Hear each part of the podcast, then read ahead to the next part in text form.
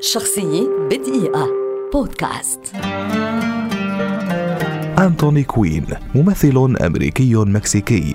ولد في المكسيك لأب إيرلندي وأم مكسيكية عام 1915 ويعد واحدا من أبرز وجوه السينما العالمية في التاريخ. شهدت فترة الخمسينات انطلاقة كوين الحقيقية في هوليوود إذ شارك عام 1951 في الفيلم الدرامي The Brave Bulls وفي عام 1952 كانت الفرصة التي انتظرها. عندما شارك في فيلم فيفا زاباتا وفاز بأوسكاره الأول كأفضل ممثل في دور مساعد ليحقق بعد ذلك سلسلة طويلة من النجاحات لا سيما مع فيلم لاسترادا كان الموعد الثاني لأنتوني كوين مع الأوسكار عام 1956 حين لعب دور صديق الرسام الهولندي فان جوغ في فيلم Lust for Life الذي يحكي قصة حياته وفاز عنه بأوسكار أفضل ممثل في دور مساند. عام 1958 أخرج كوين فيلمه الوحيد وكان حربيا تاريخيا بعنوان The Buccaneer. وفي عام 1961 شارك في أحد أفضل الأفلام الحربية في تلك الفترة وهو The Guns of Navarone